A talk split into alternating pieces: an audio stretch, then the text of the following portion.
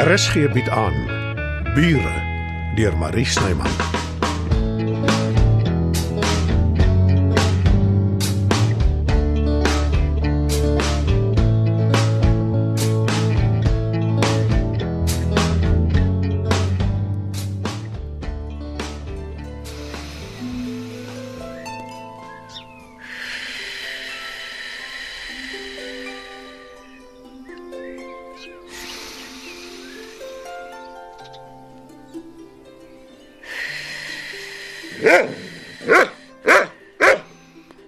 Ag nee, Bixie man. Hoe kom jy in die huis? Ek het jou dan laat uitgaan. Natuurlik. Johannes. Wat het my besiel die dag toe ek gesê het hy kan hier kom bly?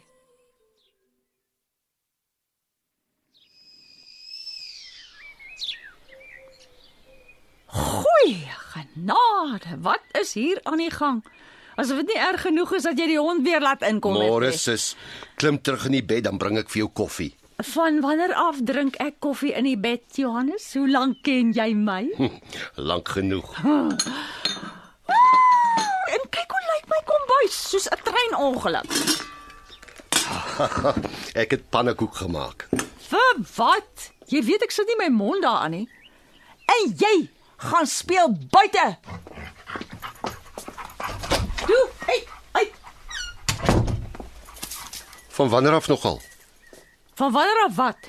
Van wanneer af eet jy nie pannekoek nie? Moenie jou vir my opruk nie. Wie sê ek ruk my op? Los, ek sal skoonmaak. Vandat ma toe ons kinders was, tydig en ontydig 'n eislike bak deeg voor my neergeplak het. Dan moes ek die een na die ander pannekoek bak. En jy en pa gryp net so uit die pan uitkom en dan as daar net genoeg oor is vir die laaste twee, vra ma so ewe. Matildaitjie, wat van jou?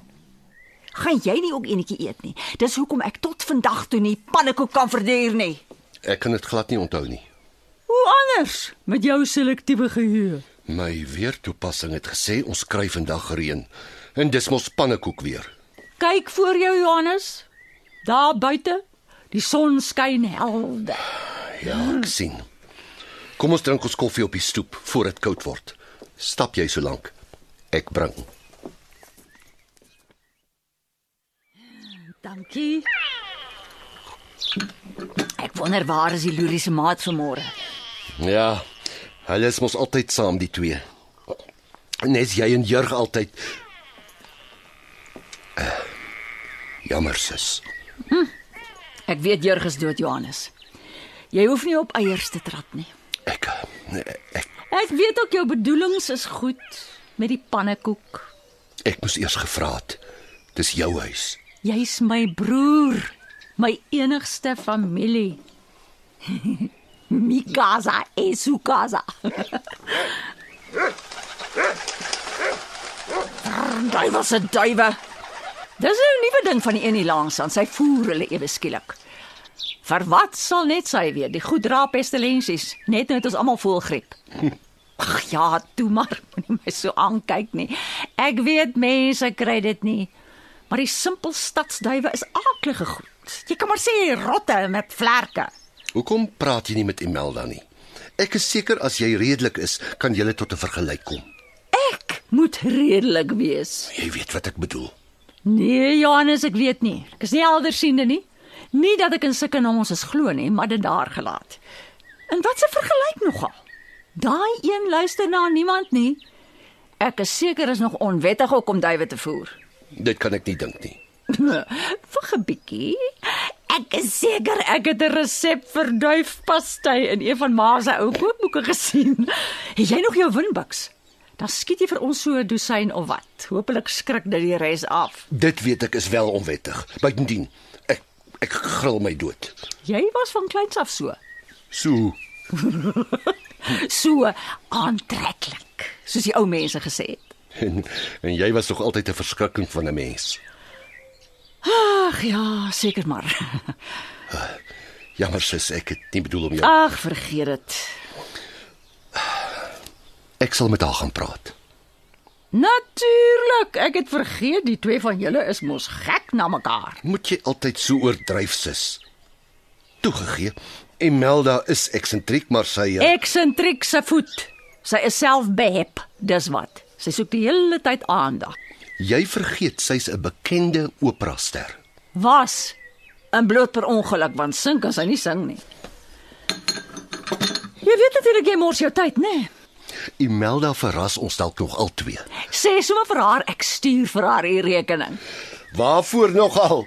Daar vlieg elke nou en dan 'n onnoosel duif in een van my vensters vas. Ag nee, sis, nou is jy net belaglik. Wel, sodra die ding dood op die grond val, gryp Bixie dit en sleep dit die hele dag rond. Hy gaan nog siek word. En jy weet wat vra veeartse? Ek sal groete stuur. ja, doen dit gerus. Ek is seker sy sal jou glo ook.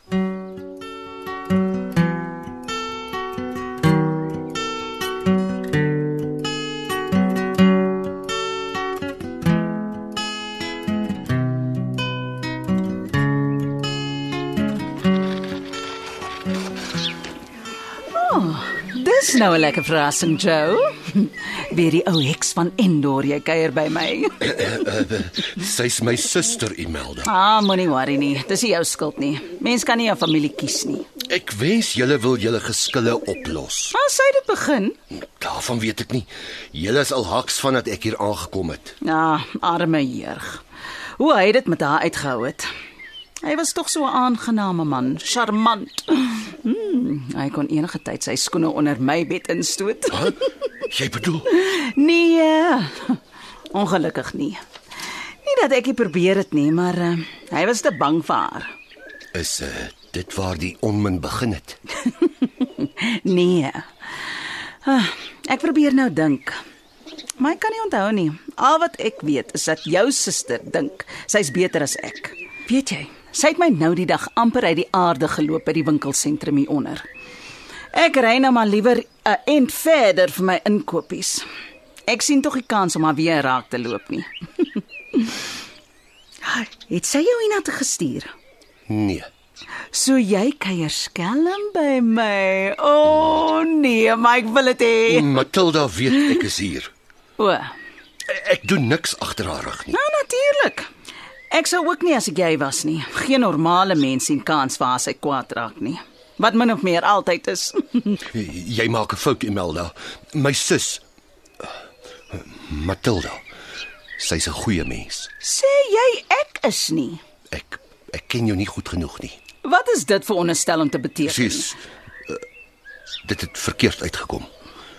Wat ek eintlik wil sê is uh Matilda bedoel helfte van die tyd nie wat sy sê nie. Hoe sê die spreekwoord? Bloed is dikker as water.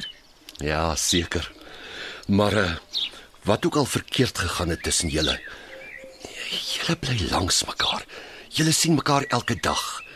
Dit kan tog nie so moeilik wees om in vrede saam te lewe nie. Verskoon my. Skink so lank vir jou iets om te drink, Joe. Is dalk 'n bietjie vroeg. Iewers in ons skone land is die bouing al oor. Ek het nog nie eens by die duiwe uitgekom nie. Dankie.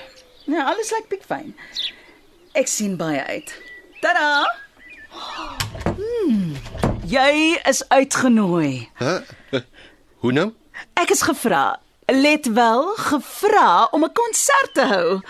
Daar's nog mense met smaak wat 'n goeie stem waardeer. Jy bedoel Einste. Ek gaan sing voor 'n uitgesoekte gehoor. Hier by my op my lieflike groot stoep. Jy weet, dis dalk hoekom die ou draak so jaloers is op my. Sy het net 'n piep klein balkonnetjie.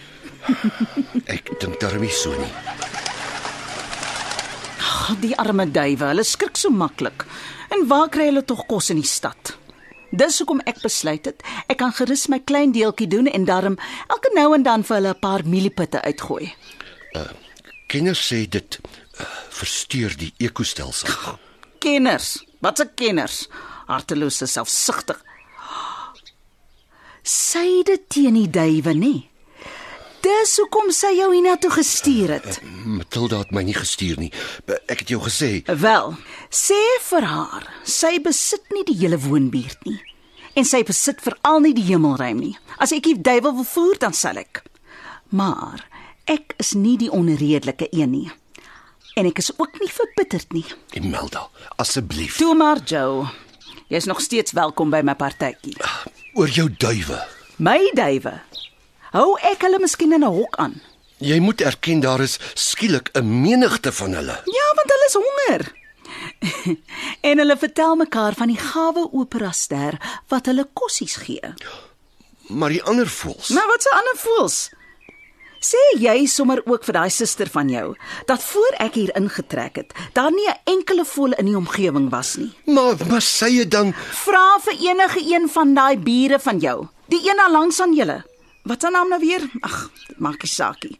Sy het persoonlik vir my gesê, in my gesig nee. Sy het my bedank dat ek vir die eerste keer in 30 jaar voels teruggelok het hiernatoe.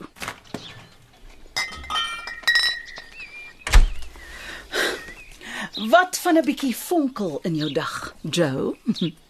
Daar's nog heelwat daarvan oor in die bottel. nie vir my nie, dankie. Hou jy nie van champagne nie? Ek ek eh, Ag tog net nie die lesie oor die verskil tussen champagne en MCC nie. Dis so vervelig. Ag. As dit die jeug se hond was nie, het ek lankal vir die ding gif gegooi. oh, Hy was tog so lief vir die dier. En sy wou nie die hond gehad het nie. Nou sit sy met hom. En sy is te ordentlik om van hom slae te raak. So ek sal Bixie maar verdra. nou ja, sis. Jy was weer reg. Mors van tyd.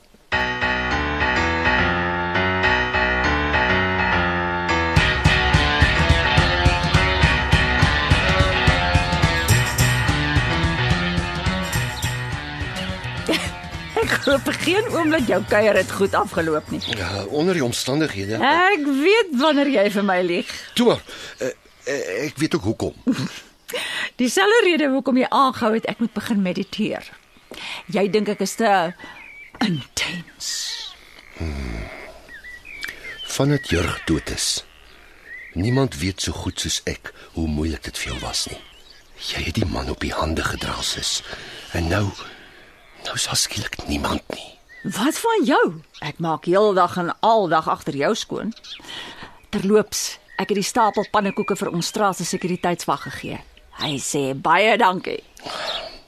As jy net wil praat. Dis die een ding wat ek heeltemal te veel doen, Johannes. Ek hou nooit op met praat nie. Met jou, met die hond, met die duwe. Ten minste luister Bixie. Dis meer as wat ek van jou kan sê. Ek praat nie net oor woorde nie, sis. Wat ek bedoel Ek is sal dit nog uit jou uitkry waaroor jy met die sangeres gepraat het. Jy kan niks vir my wegsteek nie. Nie verlang nie.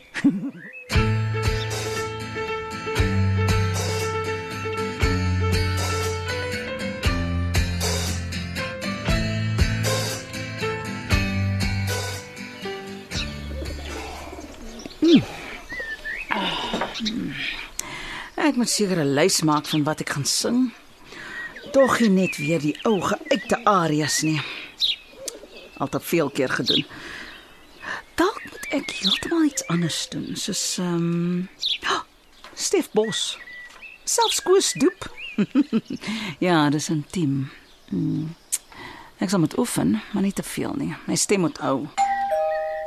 Ek kom. Marleen. Wat maak jy hier? Hallo Imelda. Ek het jou nie verwag nie. Mag ek inkom? Ja, ja, ja, natuurlik.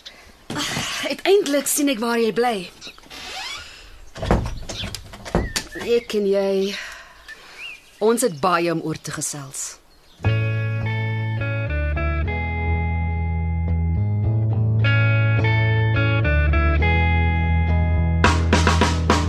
Bure word in Johannesburg opgevoer deur Marie Snyman. Die tegniese versorging word behartig deur Bongie Thomas. Evert Snyman is verantwoordelik vir die musiek en byklanke. Bure is geskryf deur Marie Snyman.